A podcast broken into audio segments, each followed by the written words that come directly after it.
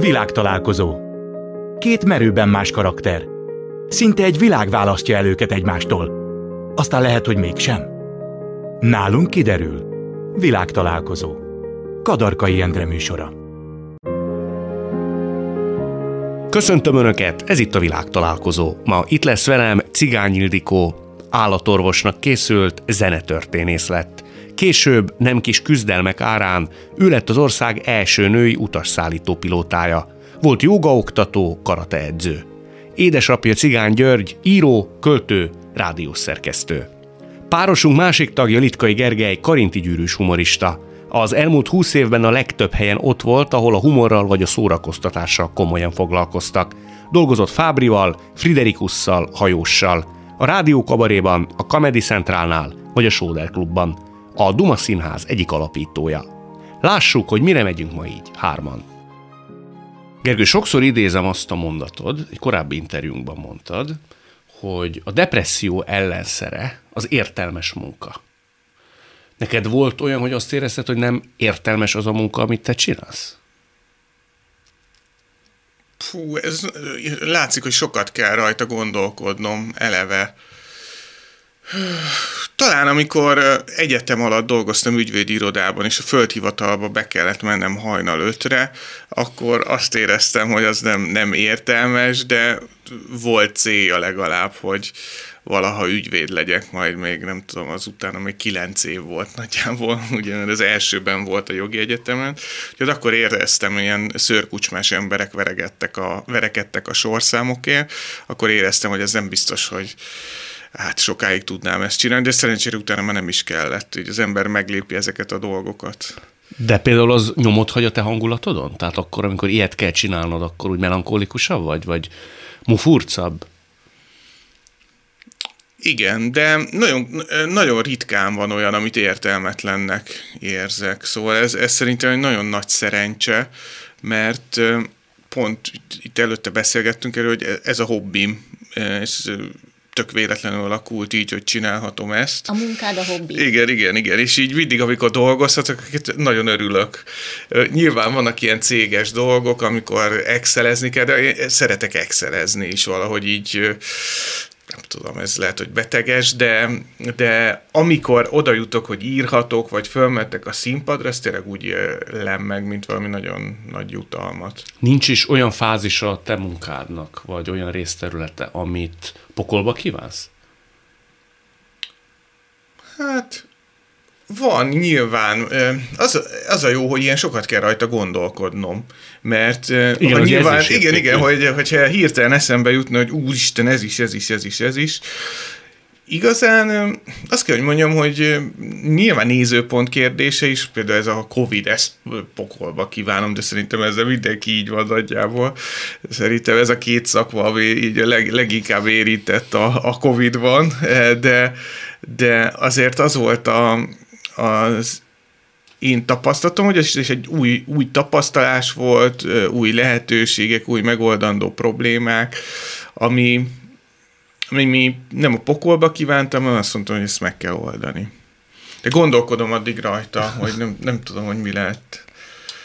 Ilyesmi. Volt a Steve Jobsnak egy jó mondása, én azt valahol láttam kiírva egy olyan munkahelyen, ahonnan aztán viszonylag gyorsan úgy alakult, hogy eljöttem, és ez egy viszont egy nagyon jó mondat volt, hogy most nem tudom az angol szó szerint, de magyarul nagyjából úgy szól, hogy az igazi munkát csak örömmel lehet csinálni.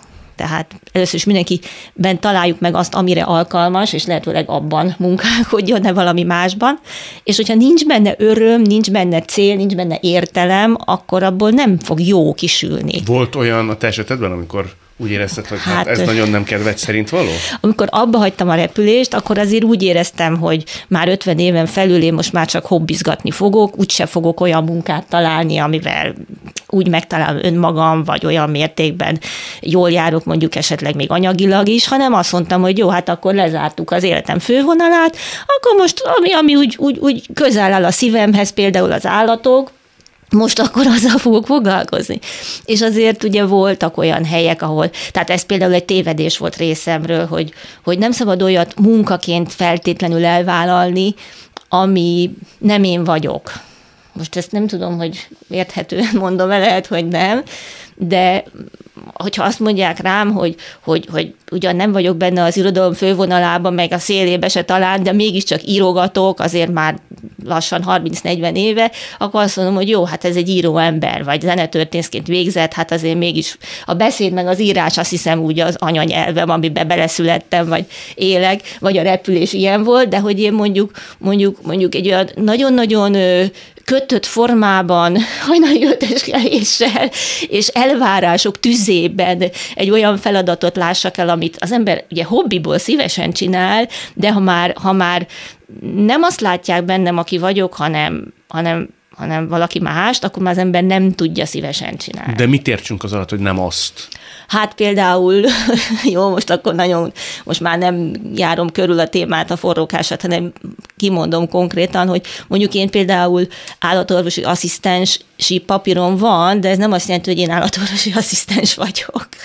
Tehát én ezt szívesen csinálom, ha tudok benne segíteni valakinek, egy olyan csapatban, ahol például jól érzem magam, mondjuk az Exopet rendelőben, ahol barátaim az állatorvosok, de ha már ez egy, egy munkahely, most azt nem mondom, hogy hol volt a munkahelyem, de ilyen is volt, ott, ott például nem tudtam ezzel azonosulni. És akkor ott is én ezt éreztem, amit az imént említettél, hogy a, a szőrös kucsmás szituációban, hogy na ez azért annyira nem, akkor innen most akkor valahogy haladjunk valamerre én azt utáltam nagyon, hogyha megvan, hogy mit nem szerettem, hogy a fellépőkkel ilyen üzleti ügyekről tárgyalni. Pénzről most mondjuk? Pénzről, ami már nagyon sokszor végigvettük, és minden beszélgetésben fölverül, hogy x y mi volt a vita tárgya, stb.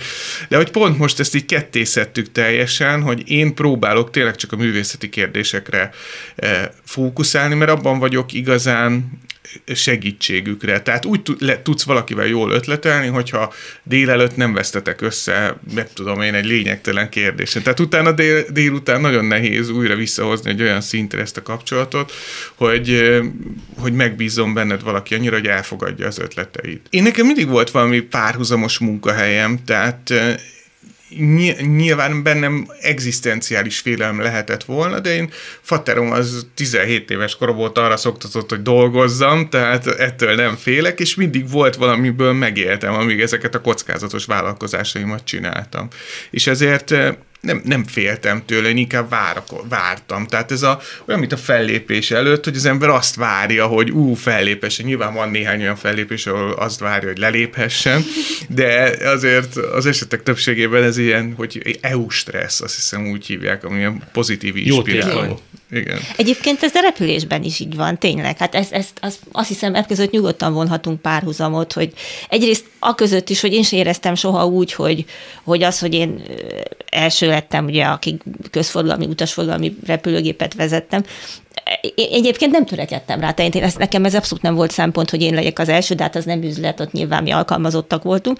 Én nekem csak egy volt a fejemben, hogy én pilóta akarok lenni, és én gyakorlatilag nem láttam az akadályokat, tehát félelem nem volt bennem, mert úgy mondtam, mint a vakló, hogy úgy átestem ezen azon Amazon, ami az utamba került, annélkül, hogy észrevettem volna, mert csak a célt láttam. De hogy lehet csak a célt látni, függetlenül a körülményektől? Hát ez jó kérdés, nem tudom, hogy csináltam. Biztos kell hozzá valami elmebetegség, ezt egy pszichiáter tudná valószínűleg kielemezni.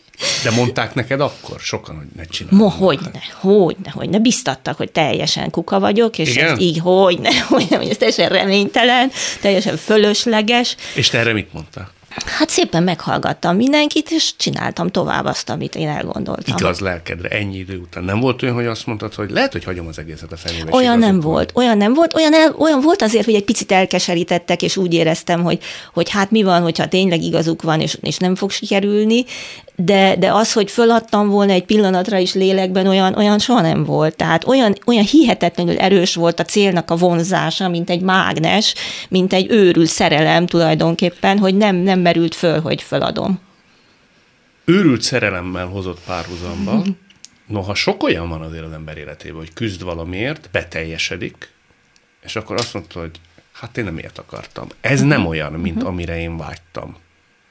Olyan volt? Olyan érzés? Vagy átéltette azt az eufóriát? Én emlékszem Át. egyszer, igen? Át. Tehát ez nem, én repülés közben is rengetegszer átéltem azt, hogy na ez csak egy kicsit jobb, mint ahogy gondoltam. Egy kicsit jobb, mint ahogy gondoltam. igen, igen. És soha nem rosszabb. És soha nem rosszabb. Akkor jó, te szerencsés alkat vagy. Ö, le, jó, hogy jól mondasz, tehát ez biztos, hogy ezért alkati kérdés, biztos, mert biztos, hogy rengeteg olyan momentuma lehetett a dolognak, amikor úgy érezhettem, hogy na hát kellett ez nekem.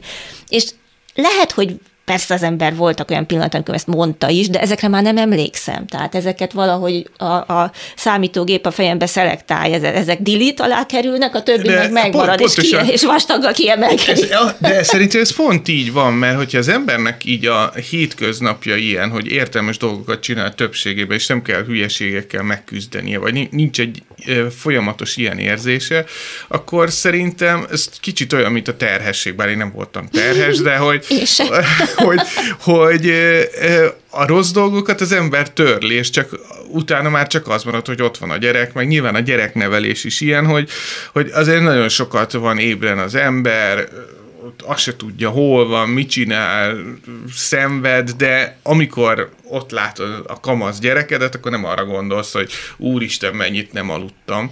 Én nem arra, jól, hogy... Jól hallottam az egyik interjúban, hogy most te kispapa vagy. Igen, ugye? kispapa is. Kispapa is és vagy. nagy. Mármint úgy Van egy nagy gyerek, gyerek is, igen, és egy kicsi, kicsi is. Igen, igen. Mennyi van köztük? Hát 15 év. 15 év? Igen. Úgyhogy így izgis. Izgis? Izgis. Nagyon más az ember már egy kicsit korosabb fejjel apaként, mint volt nagyon fiatalon? Nem hiszem. Egyébként nem ér semmi váratlanul, tehát hogy tisztába kell tenni, ezt nem felejti el az ember. Apró hibákat elkövet az elején, de egyébként szoktam mondani, hogy soha nem tanultam meg rendesen biciklizni, és ugyanígy a lányommal voltunk biciklizni a Fertőtónál, és én rögtön így az első kanyarban pifbe az árokba, úgyhogy tizen, nem tudom, hogy szerintem 30 éve nem bicikliztem, és hogy olyan, mint a biciklizés, ugye, hogy nem lehet elfelejteni, csak rosszul emlékszik rá az ember, és ugyanilyen a gyerek, gyerek tisztába tevése is, mert inkább azt látom, hogy nagyon hasonlók a tinédzserek és a e, mondjuk a 8 hetes gyerekek. Már miben? Hát e, ugyanúgy, hogyha hozzászólsz üvölt, és, és a legjobban feküdni szeretnek igazándiból, és a legrosszabb, hogyha lehánynak. Tehát az a, az a, az a legrosszabb hasonlóság a kettő között. De te olyan apa lehetsz, olyannak gondolok, akinek fát lehet vágni a hátán, nem? Hát egyébként tényleg, de vannak, vannak az a, az a rossz meg a jó is az ember gyerekében, hogy saját maga, aki nagyon hasonlít nem tudom, mindenkinek lehet, hogy valakinek eltérő gyereke van, de én, én azt látom a, lányomon, hogy nagyon hasonlítunk, és amikor mond valamit, pontosan tudom, hogy mit gondol. És ettől tudom magam felhúzni, hogy úristen, hogy én is ezt mondanám, most erre mit mondja. és rajtad látszik, hogy felhúztad magad? Valaki azt mondta nekem, hogy amikor te nagyon-nagyon-nagyon dühös voltál, vagy vagy, akkor is az volt a legdurvább kifejezés, hogy most nagyon mérges vagyok. Tehát, hogy akkor se robbansz, akkor se emeled föl igazán hát, a hangod. E, ritkán egyébként én, én ezt nagyon tiszteletben próbálom tartani, tehát hogy beosztottakkal soha nem kiabálok, mert ki vannak nekem szolgáltatva, és szerintem egyrészt nem olyan hatékonytalan kommunikáció az üvöltözés, másrészt a másik nem személyében kell megalázni, nem a problémára kell fókuszálni. Szerintem ez ugyanúgy, mint a repülésben is, ott is nagyon fontos, hogy a, a cockpitben mi hangzik el, Hú, hogyan kommunikálunk mennyire? a másikkal. Szerintem ugye, igen, ez, ez egy külön, külön kell belőle, igen. talán ma is vizsgázni. És és ugyanezt látom itt is, hogy ez teljesen fölösleges, és szerintem ez nagyon-nagyon rosszat tesz az emberek kapcsolatának. Akkor máshogy kérdezem mondjuk a nagylányoddal. 15 év alatt, és a Duma Színház nem tudom hány éves története során, hányszor kiabáltál? Hát én gyerekkel se kiabálok, gyerekkel ő is se. nekem ki van szolgáltatva. Én, én elkövettem azt a hibát, hogy feltárom az érzéseimet mindig, hogy mit érzek valamivel kapcsolatban. Mert én mondtam, hogy én nem, tudok, nem tudom eljátszani a szigorú apukát, én én ha valamit megtiltok, az komolyan gondolom, ezt nem szigorból, hanem mert így van. Ugyanakkor rettenetes lelki tusát okoz nekem, mert tudom, hogy nekem is fájna, ha ezt bárki megtiltaná. Mit tiltasz te meg? Mi van nálad? Mit tudom, nálunk ez, ez a kritikus kérdés, hogy a lovardába ki lehet-e menni, mert ő állandóan lovagol, és itt a tanulmányok rovására megy néha, és akkor óriási küzdelem van ebből, hogy ki lehet-e menni, vagy nem. És ezt megtiltottad? Hát korlátoztam. Korlátoztam. Korlátoztam, igen. És ez mit jelent, hogy te kitárod az érzéseid? Tehát hát te megbeszéled a, a, a, a lányoddal adott esetben, ami benned zajlik? Tehát a problémáid? Persze. Én, én azt mondtam neki, hogy ez az egy értékünk van, hogy őszinték vagyunk egymással, az összes többi az, meg megbízunk a másikban, az összes többi az ilyen járulékos dolog, ami majd elmúlik, vagy megjavul, vagy elromlik, de ez szerintem nagyon fontos, hogy én még ha hülyeségeket is csinál, néha meg én is hülyeségeket csinálok, néha én azért maximálisan megbízom benne. Tulajdonképpen olyan dolgokat is elmondtál és mondasz, amit nem feltétlenül mondaná el más apuka egy 10 éves, 11, 12, hát 13. Nem tudom, nem tudom. Én eh, lehet, hogy ez nem is jó módszer, de én elmondom, hogy mit érzek, vagy én mi megyek keresztül. Mert szerintem egy gyerek is jobban megérti, hogy ez engem miért bánt, vagy én miért foglalkozom ezzel a kérdéssel, mint hogyha egy ilyen nagy rejtélyes, szigorú apuka Van ebben olyan szakmai ártalom, bocsánat, hogy beleszólok, hogy esetleg a humor az nálad mennyire játszik szerepet így a gyereknevelésben? Mert el tudom képzelni, hogy, hogy hát humorral ez, ez mindent is, el lehet érni. Ez is nagyon-nagyon-nagyon rossz egyébként, tehát gyereknevelésben, így humoristaként, hogy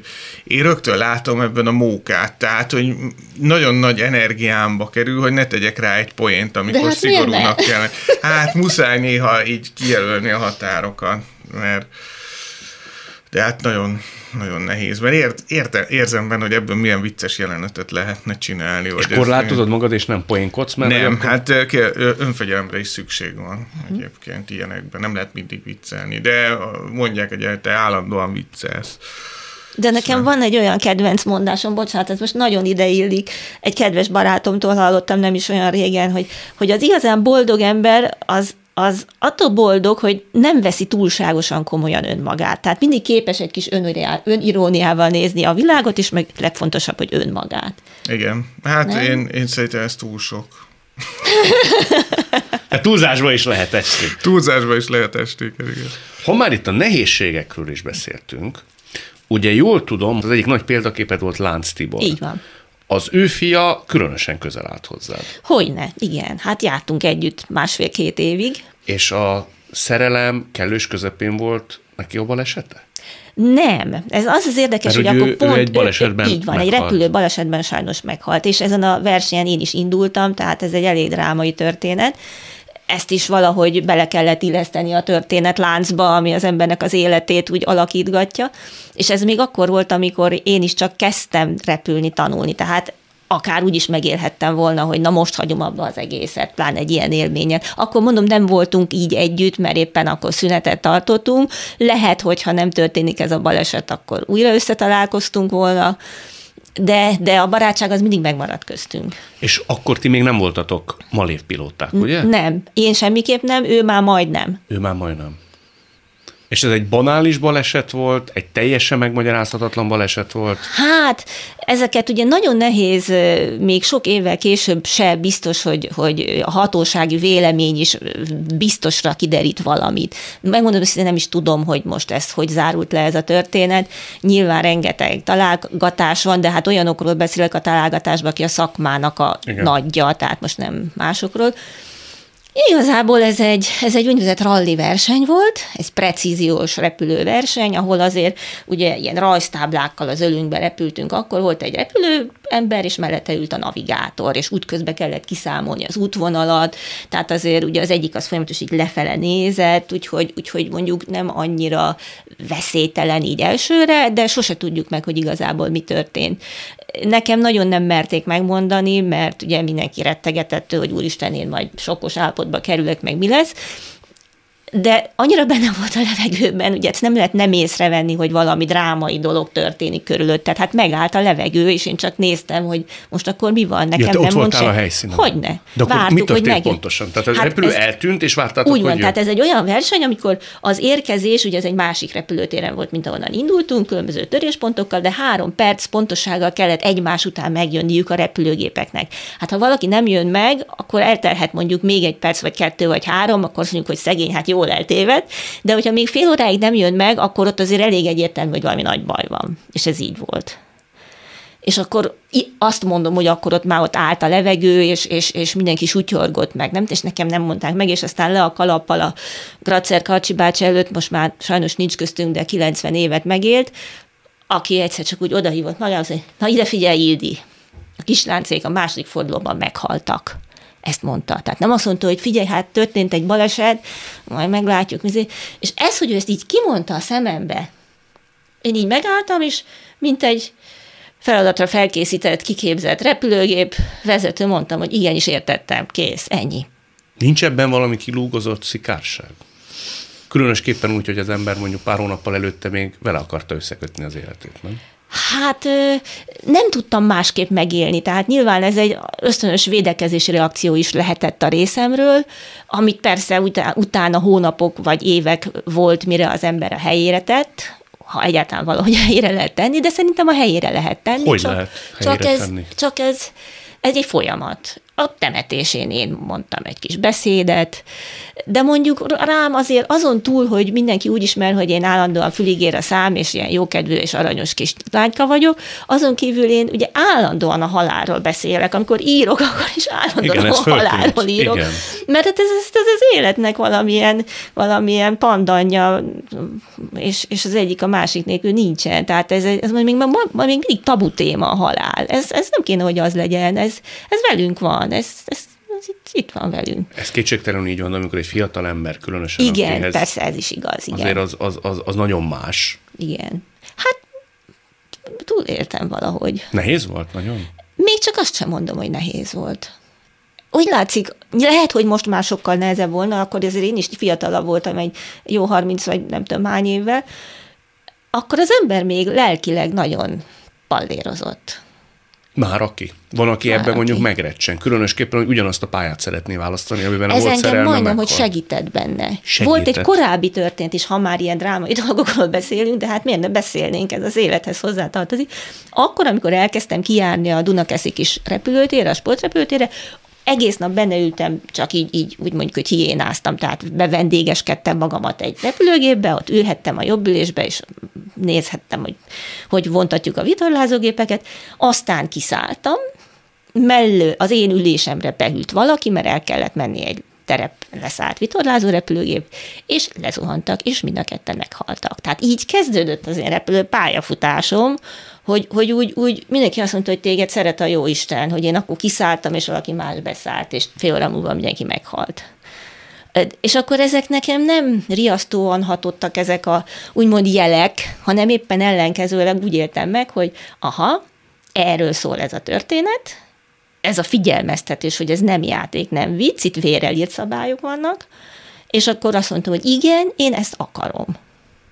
Mindezek dacára. Igen, igen, igen, mert, mert valahogy... Vagy lehet, hogy épp ezért. Vagy nem? lehet, hogy épp ezért, így van. Mert hogy ez ennyire komoly, ennyire kockázott vállalást igényel, ennyire tétre menő. Hát szerintem azért most nekem is van egy pilóta barátom, sőt egyik legjobb barátom, aki nagyon sokat beszélgetünk így pilótaságról, és szerintem azért ennek egy tanulsága van. Nyilván vannak műszaki hibák, meg van szerencsék, meg stb. De az ember itt, ha fejben ott van, és magáról tudja, hogy ő egy jó pilóta, és mindent megtesz azért, hogy felkészült legyen, akkor igazán nem egy kockázatos dolog ez. Egyébként így van, tehát azért itt most nem arról beszélünk, hogy háborús bombázók Igen. vagyunk, hanem itt pontos, hát az utasforgalmi repülés a végkép, hát az, ugye igen, az a legbiztonságosabb dolog igen. a világon, de még a kisgépes sportrepülésben is azért, tehát ezek nem arról van szó, hogy kimegyek a reptérhez, vagy hazamegyek, vagy nem, tehát ezek azért... Ennél, nem ilyen cross motor, nem, vagy nem, nem tudom, sokkal, sokkal több, vagy a szamártartás például, az is sokkal veszélyesebb egyébként. Nagyon sok embert rúgnak halára szamarak. Tényleg? Az őzikék milyen veszélyesek. Igen, például. Hát mind a háromból kimaradtam. Repülőt se vedetek, szamaram sincs, és az őzikék közelébe se nagyon járok. Viszont ha már itt mesterekről beszéltünk, és kettőt is említettél előkép gyanánt, azon gondolkodtam, hogy te tudnál mondani, azt lehet, hogy ezek ilyen nagyon nehéz, utána gondolós kérdések, egy, az az egyetlen egy embert, hogy voltak éppen ki az, aki téged felfedezett? Marton Frigyes, Farkasházi, Fábri, Sinkó, tehát ki az, egyetlen egy nevet kellene mondani, akinek azt mondod, hogy igen, neki vagyok a leghálásabb, nélküle tuti, hogy nem lenne, és nem ilyen lenne Litkai Gergely. Nem tudom, hogy ez most hogy van úgy, mint Amerikánál, hogy most a vikingek vagy Kolumbusz Kristóf, hogyha magamat így Amerikához kell hasonlítanom, de nyilván az első, aki felfigyelte erre, meg aki ebben bátorított, az Földesi Margit volt. Tehát 12 vagy 13 éves korom óta csinálom ezt valamilyen formában. És ő volt az első, aki azt mondta, bár ő sose vindikálta magának ezt a címet, hogy, hogy hogy ő fedezett fel, de ott kezdtem el.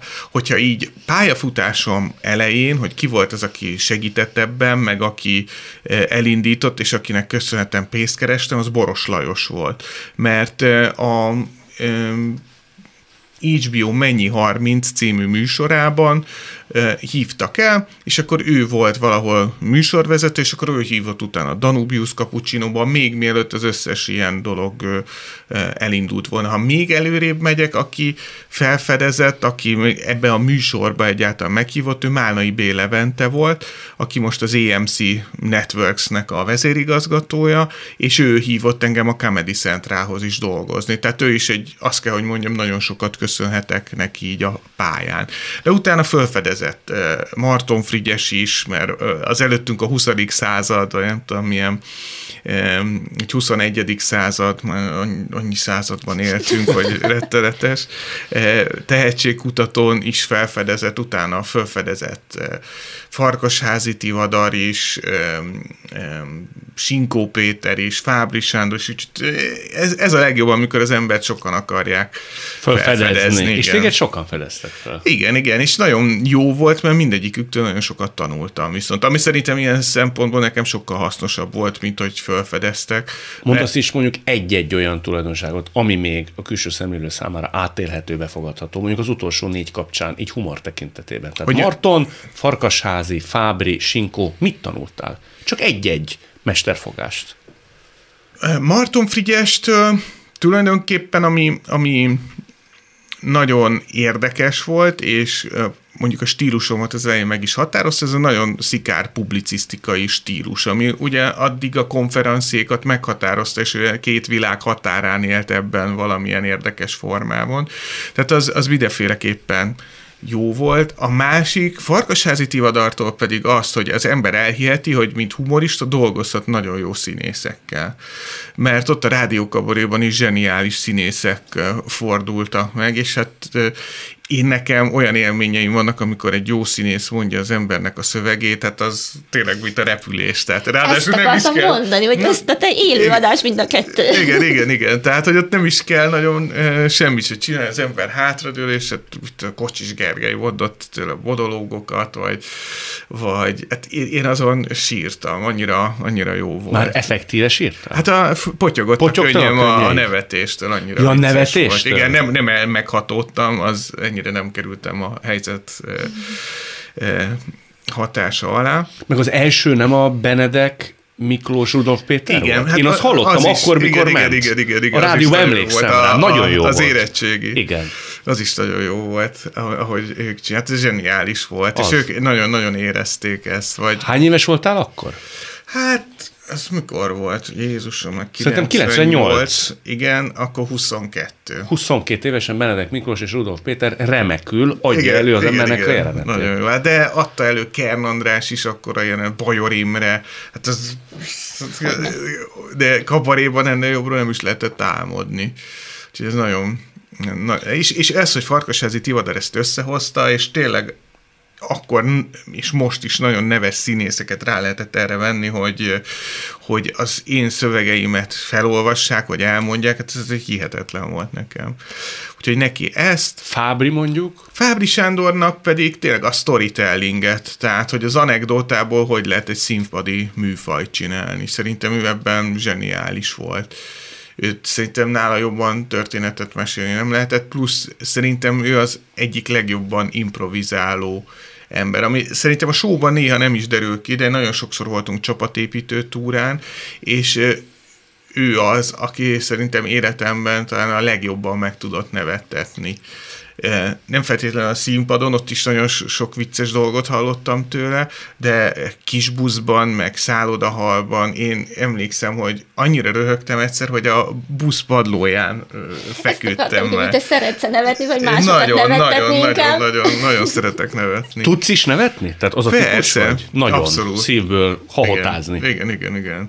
Én nagyon szeretem ezt a műfajt, és igazán örülök annak, hogyha más vicces. Tehát nem azt várom, hogy úristen. Ugye vannak olyan poénok, azért van a poéni ricség, hogy úristen, ez nekem jutatott volna eszembe, vagy annyira kézenfekvő, és mégis annyira jó vicc. Ugye ezek, amire én nekem poéni ricségem van, hogy miért nem jutott az eszembe. Kire vagy ilyen értelemben legtöbbször irigy? E, hát nyilván Bödöcs Tibor szerintem, hogy neki van, az, az ahhoz érzik, hogy nagyon egyszerű, elementáris dolgokból olyan jó eh, vicceket épít, hogy, hogy nagyon nagyon szórakoztató lesz ettől. Tehát ez, ami tényleg ilyen kezemfejem mindannyian tudjuk, és mégis valahogy úgy van megkínálva, hogy nagyon, nagyon vicces. Érdekes, bocsánat, valahogy azt gondoljuk, hogy a nevetés az olyan, hát a szórakozás is, ugye vannak a komoly dolgok, és valamelyik komoly filozófia tanulmányban olvastam, azt hiszem, hogy Bergsonnál, hogy, hogy a nevetés az tulajdonképpen a leg magasabb szintű szellemi tevékenység, hiszen hogyha most összehasonlítjuk magunkat az általam olyan hihetetlenül kedvelt intelligens állatokkal, nagyon sok mindent elmondhatunk például egy kutyáról is, meg egy, egy papagáról, hogy milyen hihetetlenül intelligens, egy, legalább egy három-négy éves gyerek szintjén gondolkodik, de humorérzéke az állatnak nincsen. Ez valami teljesen emberi sajátság. Biztos, hogy nincs. Nem lehet, hogy ők egymás közt nagyokat kacarásznak? Az lehet, nem én még sosem voltam kutya, vagy lehet, hát hogy voltam, de nem emlékszem rá. zárjuk ki. Lehet, hogy nem tudom, én ott... Azt hiszem, erről már vannak újabb kutatások, hogy valami, de ez, ez, erre nem esküszöm meg. Valami etológus valami, csoportot igen, meg igen, kell igen. interjúvolni legközelebb. Igen, ők tudják ezt. De például, vagy még aki nagyon tudok nevetni, aztán nem, nem dicsérem itt a kollégákat, mert ez nagyon rossz irány. Isten ments, nagyon Isten rossz. Ments, de hogy például Hajdú Balázs, hogy nagyon sokat túrázom, és vele színpadon is, meg magánemberként is, hogy pff, én, én, én, én nagyon-nagyon tudok rajta nevetni. És te pont az a gondolkodásmód, ami teljesen kiszámíthatatlan. Tehát így nem, nem tudja az ember, hogy mi történik a következő pillanatban. Akkor, amikor fiatal emberként kézről kézre adják a nagyok, és téged szerintem ilyen kvázi mert ugye a csoda gyerek az erős kifejezés, de ilyen formán kezdtek el kezelni. Aztán megkerültél a show műsorok világába, Fábrihoz, Friderikushoz, tényleg kézről kézre adtak. Nem ilyennek nézlek, de egy fiatalembert azért utoléri időnként a végzete. Nem voltál te soha elbizakodott, vagy úgy azt mondtad volna, hogy az egy nagy király vagyok. Akár csak hetekre, hónapokra is. Mert végig gondolom ezt a fajta kezdetet, ezt a repülőrajtot, azért sokkal össze tudta volna a fejét egy kicsit zavarni, nem? Én ebben is szerencsés vagyok, mert az élet mindig tolt előttem valami olyan nagyobb feladatot, ami elbizonytalanított. Tehát az mindig volt valami olyan, amit felkértek, ami hát éreztem, hogy nem feltétlenül. Tehát pont most valakivel beszélgettem a életpályámról, vagy nem tudom, és akkor előjött a Super Voice című film, ami minden idők legrosszabb mozifilmje, aminek a, az írója voltam. Tehát pont, pont ezt érzem, hogy ez nagyon az itt és mostról szól a humor, tehát nem tud az ember úgy jó lelkiismerettel hátradőlni, hogy na most meg vagyok kész, mint Madonna, hogy megvan három album, hogyha most megyek nyugdíjba, akkor is lesz mit énekelni a színpadon. De te már meg vagy, nem?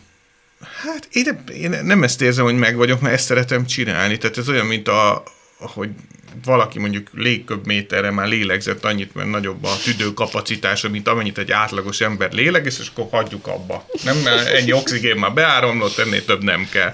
Én Tehát, úgy értem, hogy ha most abba hagynád, azért már a te esetedben a forgatónyomaték megvan, a magyar humor terepasztalán, hogy én nagyon szépen fejezzem ki magam. Hát a forgatónyomaték az megvan. Tehát én remélem, hogy ez így menne tovább, és egyre újabb emberek jönnének, és, és egyre jobb lesz ez, akár nélkülem is. Szóval azt mondod, mindjárt erre is kérdezek majd valamit, hogy nem volt ilyen, nem kaptad magad ezen, hogy megszédültél volna adott esetben a sikertől.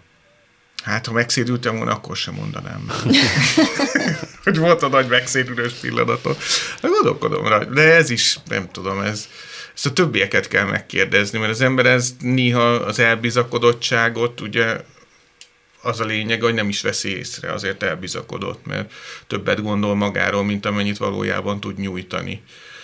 De ezt szerintem tényleg arról kell meg, azt kell megkérdezni, akivel együtt dolgoztam, vagy aki úgy érzi, hogy rossz fej voltam, el tudják mondani, de én nem éreztem azt, hogy elbizakodott voltam. Olyat éreztem, hogy olyan fába vágtam a fejszémet, amely fát nem ismertem, és amelyhez túl kis fejszével láttam hozzá, ráadásul mondjuk a fakorhat volt, és utána rám dölt. Tehát ilyenekre volt. És hosszan gyógyulsz egy ilyen baleset Ó, után? Az, az nagyon rossz egyébként. Tehát egy, egy rossz este is azért napokig az ember. Napokig? Igen. Ennyi igen. este után, már fellépés után? Hát persze, de szerintem ez, ez de most nem akarok megint a repüléshez nyúlni, de, de ott is azért szerintem vannak olyan élmények, már csak a, elég sokat repültem korábban, hogy amit azért megmarad az emberben. Nekem két ilyen, él, tényleg két típusú élményem van, amilyen előjön. Ez az egyik, ez a vizsgatípusú, tehát ez a fellépés, matek érettségi, pedig semmi bajom nem volt a matek érettségi, de mi mindig szoktam ezt álmodni, hogy matekból érettségizem. Illetve ez a, ez a fellépek is rossz volt, és ez így az mhm. ember újraéli, és a másik még tényleg a repülésben, hogy volt nekem egy-két olyan ijesztő élmény, amire így visszagondolok, akkor emlékszem rá. Mi? Tehát, Micsoda például? Hát mit voltam, nagyon sokat repültem Oroszországban, Aha.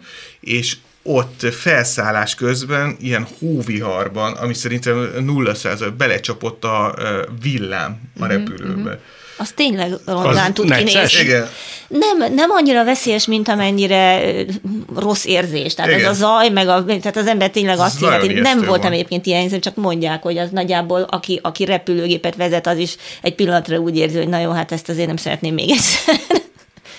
Meg voltam ilyen Atlanti óceán felett, jöttünk vissza a haverom átevezte az Atlanti óceánt, és kimentem el ilyen, az is egy nagyon hosszú történet, nagyon kalandos történet, de visszafelé jöttem a repülőn, és ilyen hurikán szezon uh-huh. kezdődött, és hát amikor felszálltunk, hogy eleve nedves a levegő, így ömlött ki ugye a víz az izéből, ott a szellőzőkből, és utána nem tudom, az olyan 5-6 óra, amíg az ember átér, addig végig, tehát föl se lehetett állni, még a stewardessek se álltak föl. Nem tehát volt az, kaja. És így, csak így, hú, hú, tehát mint egy ilyen nagyon durva hullávas úton.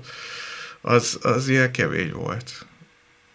Hát ezek egyébként annyira nem veszélyes dolgok általában, csak ezt pont úgy élik meg az utasok, hogy, hogy ez a legszörnyűbb élmény, amikor az ember a fülébe teszi véletlenül a kiflitben a száját, találja meg. Tehát te nem is voltál úgy igazán begyulladva?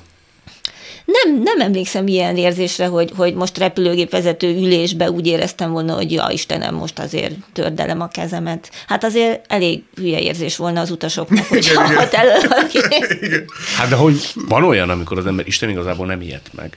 Amikor visszagondol rá egy hét múlva, akkor azt tudja, hogy... Az lehet, hogy olyan, olyan lehet, hogy gyakrabban előfordulhat, hogy utólag visszagondolsz, és azt mondod, hogy hú, azért itt itt akár pánikol, igen, volt. Még pánikrohamot is kaphattam volna még, jó, hogy... De mi volt a legdurvább, ami mondjuk így repülésileg volt egy ilyen Én, én nekem, amiket helyzet. én megéltem, azok igazából, tehát olyan klasszikus vészhelyzet, amit annak lehet nevezni, azt nem volt szerencsére, de mondjuk ami kihívás, az mondjuk egy olyan időjárás, egy, egy jó kis szeles, esős, oldalszeles leszállás, akkor, amikor ráadásul kikapcsolja az ember ugye a különböző segédeszközöket, mert egyébként a robot nem tud leszállni olyan erős oldalszélben, mint a pilóta. Tehát ebben az esetben a robotot ki kell kapcsolni, és kézzel kell leszállni. Na ezeket például én, ami engem illet kifejezetten, szerettem, most persze idézőjelben, mert nyilván az ember érezte, mm. hogy na most szellemileg, fizikai minden topon kell lenni, de de ez volt egy ilyen, ilyen kellemes, jó része a dolognak, mert ha csak egy ilyen betanított számítógépkezelő vagyok ott, akkor ez olyan annyira azért nem is.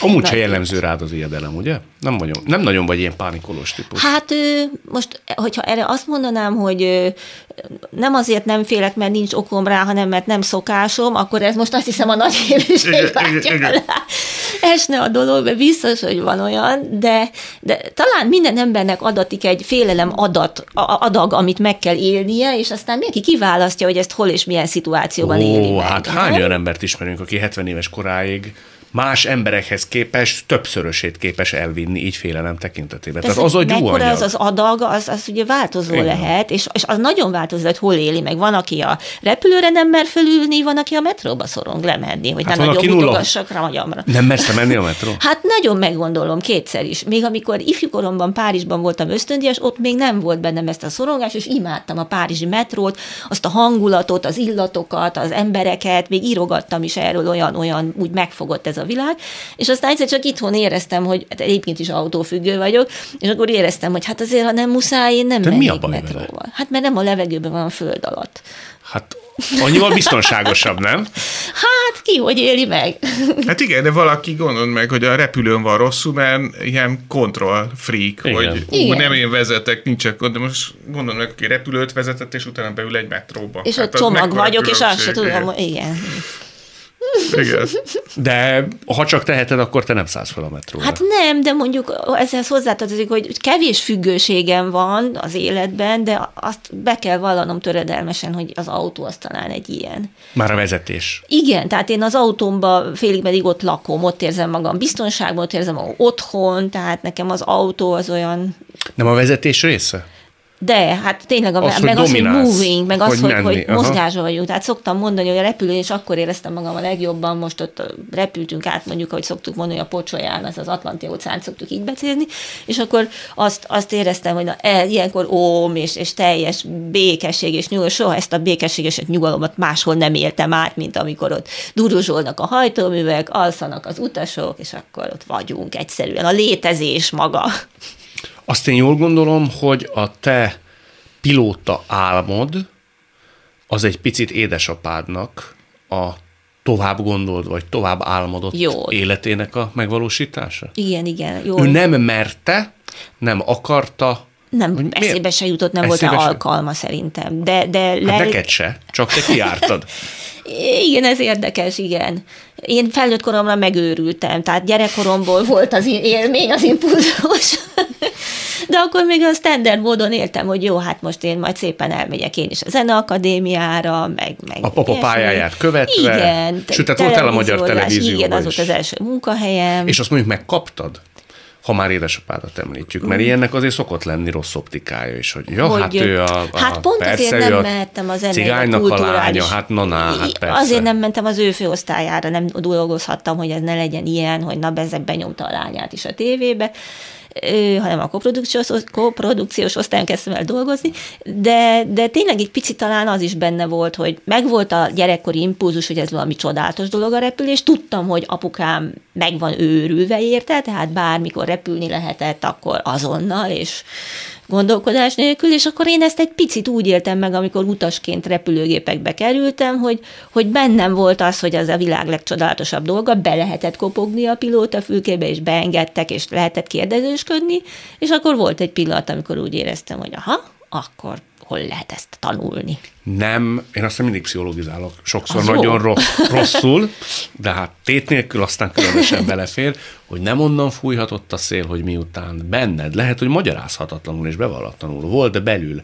egy ilyen folyamatos, mások szemében felfedezett összehasonlítási kényszer, hogy ugyanazon Apukával. a pá- igen, uh-huh nagyon mást akarok csinálni, és saját jogon vívjam ki azt az elismerést, ami egyébként járna nekem, de itt aztán teljesen szűz vagyok. De lehet, hogy volt. De lehet, hogy volt. Az, hogy miért a repülés, az nem volt, hogy pont a repülésbe találtam meg, de valószínűleg az az érzés kellett nekem, hogy na, ez egy olyan terület, ahol aztán tényleg semmilyen rokonom, és, és még akkor barátom se volt, egy szűz terület, én ezt akarom meghódítani, és én magam szeretném meghódítani. Akkor az nagy pillanat volt egyszer, mint amikor ez sikeredett. Mármint, hogy igen, én lettem az, aki saját jogon első női pilóta Hát persze, ahhoz nem csak én kellettem, ahhoz az idők szele is kellett, mert már korábban is sokan próbálták, csak akkor még nem jöhetett össze, tehát de, jókor voltam jó helyen. De annyi, nem is tudom, hogy gonosz-e a felvetés. Az igazsághoz tudomásom szerint hozzátartozik, hogy kellett édesapád kapcsolata, hogy eljuss Így az egészségügyi van. miniszterig. Azért kibújik a szög a zsákból, mert ez valóban így volt, hogy amikor már nekem 7-8 év munkája ebben benne volt, és az utolsó finisben, hogy most akkor indul a malév tanfolyam, és akkor oda be kell ülni, mert legközelebb csak 5 év múlva indul, akkor én már azért 30 éves voltam majdnem, vagy ilyesmi, és akkor kiderült, hogy van egy ősrégi ósdi, senki se tudja, hogy miért létrejött egészségügyi miniszteri rendelet, ami tiltja, hogy nők közforgalmi pilóták legyenek.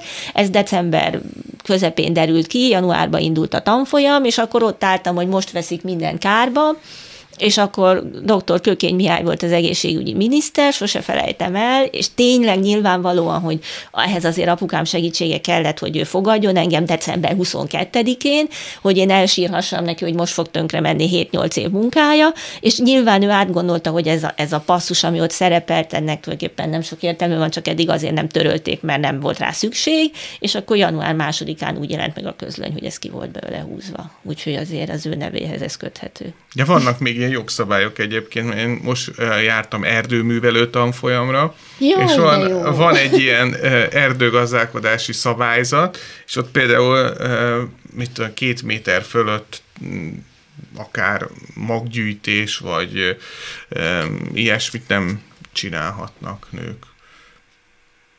Hát ebben azért nagyon sok rációt nem látok. Tehát nem, ez mit? E, illetve a motorfűrészkezelőnél uh-huh, is, ott is vannak ilyen korlátozások azért.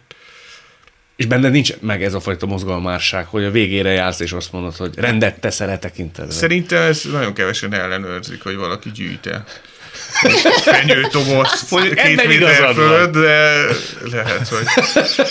Még ebben Egyébként vannak, nagyon sok erdész lány van, vagy női uh-huh. erdész, és nem tudom, ez, ez lehet, hogy nekik így kellemesebb, hogy akkor nem kell felmenni két méter fölé. Ildikó, azért sok mindennel foglalkoztál, tehát sok műfajú ember vagy. Ez járhat azzal, hogy egy-egy szakmának a fősodra mondjuk téged kívülállónak gondol? Hát persze. Érezted is? Igen? Hát a repülésbe talán nem, mert ugye azt nem lehet ö, kicsit csinálni, az egy olyan dolog, ami Én outsider pilóta.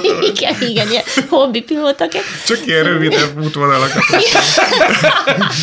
De még a kisbékesben sem.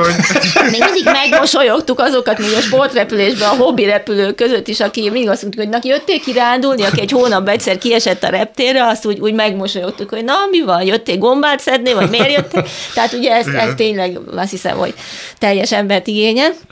De, de hát nyilvánvalóan az életemben is szukcesszivitás van, tehát mindennel egyszerűen nem lehet foglalkozni, de valóban van bennem egy ilyenfajta igény, hogy, hogy sok minden hatással volt rám, és sok mindennél úgy éreztem, hogy de nekem ezt jobban meg kell ismerni, és, és kicsit beljebb kell kerülni, hogy, hogy kinyitom ezt az ajtót, és hogyha nem mondják, hogy takarodjak innen, akkor egy picit azért hadd menjek be, és hadd hallgassam meg, hogy a nálam sokkal okosabbak mit mondanak erről. De meg hol arról. érezted például, amikor olyan összehúzták a szemöldöküket, hogy hát azért te még nem vagy az a fajta ö, életed és életpályád rááldozó ember, mint mi.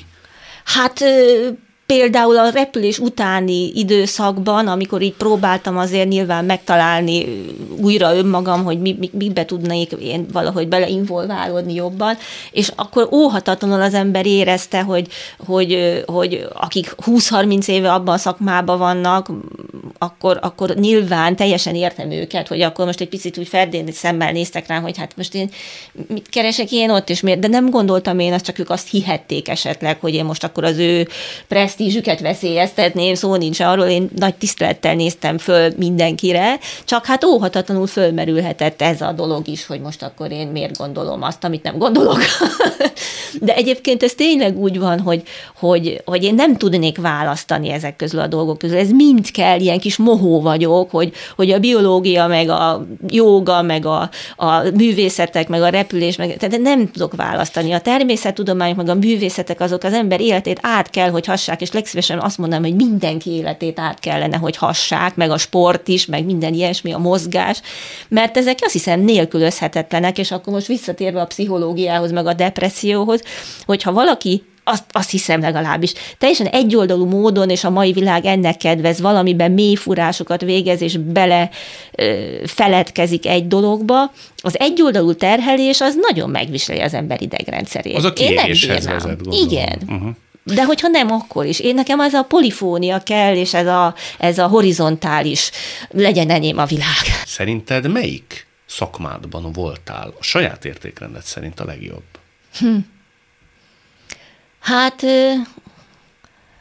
azt remélem, hogy a repülésben. Annak ellenére, hogy nyilván ott se lehettem az, aki mondjuk az egész életét ennek szentelte, és 15 éves kora óta ennek készült, és, és 65 éves korába fejezi be. De ott mit tudtál, amit mondjuk zenetörténészként, televízióban dolgozó emberként nem? Mi volt a többlet? Hát az, hogy az életem középső szakaszában, ugye, és ez egy olyan elvárásrendszerbe helyezkedik bele a repülés óhatatlanul, a, amit az előbb pedzegettünk, hogy azt nem lehet nem teljes mell szélességgel csinálni. Tehát ott, ott, ahogy oda az ember bekerülhessen, ahhoz ugyanazt kellett dobni, mint a többiek. Magyarul azon a szinten. Vagy... abba tetted bele a legtöbbet? Hát talán igen. Talán és emiatt? Igen. Tehát, hogy ez volt Ebben életre halálra? Bele. Igen, igen, igen. A, a többi az úgy adódott, és nem tudnám nélkülözni, mert a zenét nem tudnám nélkülözni, az irodalmat nem tudnám, a biológia gyerekkorom óta úgy érdekel, nekem az az örök nosztalgia marad, ami, ami soha nem leszek biológus, meg állatorvos, meg biokémikus, meg, meg agykutató, meg semmi, de valami olyan szent érdeklődés van bennem ezek a dolgok irányok, az erdő, meg a természet, hogy, hogy, és ezek azért, hogyha valamiről írogatni próbálok, azok ezek óhatatlanul belefolynak a dolgokba. Tehát az remélem, hogy aki elolvassa, az ezt érzi. Ha már itt arról beszéltünk, életre halálra. Neked ugye azt jól gondolom, hogy életre halára soha nem volt fontos, hogy te ismert légy, hogy elől légy, hogy neked a sarki fűszeres azt mondja, hogy Litkai úr, hát megőrülök, mikor maga van. Nem. Én nekem a humor volt a legfontosabb, és szerintem az igazán jó humoristáknak mindig a humor a legfontosabb. Tehát akiket jó hallgatni tartósan, meg jó hallgatni húsz év múlva is. De ez ellentmond annak, hogy valakinek a színpad, az előlevés, az exponáltság, az ünnepeltség is ugyanennyire fontos legyen? Hát én nem az ünnepeltség. Az ünnepeltséget azt nem várom, tehát az, az szerintem nem, nem reális elképzelés. Azért tehát van, ez... aki várja, nem? Hát biztos van, de, de ettől függetlenül nem reális elképzelés. Nyilván van olyan, aki ilyen ünnepelt a saját körében, vagy ünnepelt a társadalom nagy csoportjában, de most ez szerintem a humor az nem az ünneplésről szól, tehát ez nem egy, nem tudom, nem egy szabadságharcos vagyok, vagy valami nem, nem, nem én vagyok Karikó Katalin, aki egy egész világra szóló dolgot hozott létre, én vicceket mondok a színpadon, azt valaki vagy nevet rajta, vagy nem. És én sokkal szerencsésebb vagyok sokszor, mint a nézőközönségből az a néhány ember, akinek a barátja, barátnője, férje vette a jegyet, és gyűlöli a humort. Tehát én mindig jól érezhetem magam a színpadon, míg a közönség közül mindig van néhány ember, akinek ez rosszabb, mint nekem. Tehát azért mondom, hogy innentől ünneplést várni az olyan lenne, mint egy diktátor, sok embernek rosszabb, mint nekem, de azért ünnepeljék meg, hogy én a színpadon vagyok. Noha azt mondtad egy korábbi interjúban, hogy azért veszélyes a ti műfajotok, mert megszokjátok a visszajelzést, a tapsot, és a krumpli pucolás közben is az lesz az embernek az illúziója, hogy hello, Hát hol valami, van? Igen, igen, de ez, ez abszolút így van. Pont valakivel beszélgettem most, hogy olyan, mint a lovaglás egyébként, tehát hogy ott is nagyon hamar visszajelzést kell adni a lónak, különben nem tudod, hogy mi lesz. Átveszi az irányítást, és itt is ez fordítva van, ugye, hogy itt te vagy a ló, és a közönség adja folyamatosan a visszajelzést, és ez már viszont, ez foglalkozási ártalom, hogy az ember bárhol mond bármit, akkor figyeli a reakciókat, uh-huh, hogy most uh-huh. mi volt, ki, ki mit gondol erről, és ezt nagyon nehéz leválasztani egyébként, hogy az ember ne tekints az egész világot színpadnak, ugye Shakespeare-szerűen. Volt erre nézve neked nagy, nagy kísértés korábban? Hát ez nem kísértés, ez, ez egy életforma. Ez egy életforma? Tehát, hogy, hogy bevész a bárhova, és akkor ú, lehet egy kicsit szerepelni. Tehát nem mindenki ilyen a fellépők közül, én is megpróbálom visszafogni magam. De benned van az hát indítatás. Be, persze, hát hogy ú, most akkor erre, erre mi lesz a reakció, vagy van valami új poénom, akkor ezt lehet, hogy néha letesztelem. Uh-huh. Még lehet, hogy rajtunk is teszteltél ma valamit. Nem tudom, én végig gondolom. végig gondolom. Minden esetre én nagyon élveztem mindkettőtökkel ezt a beszélgetést. Azt megállapíthatjuk, hogy két kockázatvállaló bátor ember? Egyikőtök se kéri ki, ha ezt mondom, ugye? Én, én parázok állandóan. Tehát az nyilván a bátorság az, hogy ezen parák ellenére megvalósítom, amit, amit a fejembe veszek, de... Mind parázolta? Mindenen. Én, én egyébként én, én parázós vagyok, tehát ez pont, pont most meséltem valami történetet magamról, hogy raboltak ki Moszkvában, ez a, röviden a történet, de hogy én mindig féltem attól, hogy ki fognak rabolni, de amikor kirabolnak, akkor meg már nem, mert addig kiféltem magam. Tehát, hogy addigra már, na, ugye megmondtam, itt van, ezért féltem. De kényszerítettek is, te vagy csak mit Igen, igen, igen, hogy így, így még az egyetem alatt voltunk és akkor nem, nem volt egy ilyen drasztikus szituáció, de csak csak vicces, hogy, hogy az ember fél valamitől, de amikor belekerül a helyzetbe, akkor, akkor nem ijed meg annyira. És te az a típus, hogy aki ha megszabadul ezenfajta félelmeitől és szorongásaitól, akkor azt a téglát például már elengedte? Vagy azt már el, el. Azt el, igen, igen. De hát egyszer ki kell próbálni mindent szerintem. Hát ezt a rablást lehet, hogy te is kihagytad volna. Hát igen, igen, igen. De ezt nem gondoltam volna, hogy te az a típus, aki új helyzetektől például meg tud ijedni? Nem az új, hely, nem az új helyzettől ijedek, mert most nem akarok hirtelen egy új beszélgetést kezdeni, mert elkezded lezárni nagyon professzionálisan, én pedig itt beviszlek a csalitosba. Nem, hanem, hanem én itt sok mindentől parázok, hogy jaj, mi lesz majd, jaj, úristen. De amikor ott van a baj, akkor nem parázok már azon, hogy úristen, itt a baj, hanem akkor elkezdem keresni a megoldást. De teljesen indokolatlan dolgoktól is parázom. Akkor én Ildikó jóváhagyását is kérem, mondhatom azt, hogy két bátor ember, mert szerintem ez beleillik, nem? Én ez is egy bátorság. Egy bátor és egy az exploratív hajlam, ugye az állatoknál, és az ismeretlen soha nem adják föl náluk, az a legfontosabb, mert ott nincsen, nincsen veszély az, az ismertbe. Tehát az ember időnként választja az ismeretlent, és, és akkor vagy fél, vagy nem, aztán meglátjuk, mi lesz. Hát a ti esetetekben általában ez jó szokott elsülni. Cigány Ildikót és Litkai Gergőt látták, hallották. Nagyon szépen köszönöm. Mi is köszönjük. Mi is köszönjük. Nagyon örülök, hogy találkoztunk. Én is örülök nagyon. Világtalálkozónkat nem csak hallgathatják, de végig is nézhetik. Iménti beszélgetésünk hamarosan már látható lesz YouTube csatornámon is. A mai adás létrejöttében köszönöm Rózsahegyi Gábor és Varholik Zoltán segítségét. Találkozunk jövő szombaton itt, a Klubrádióban. Viszont hallásra!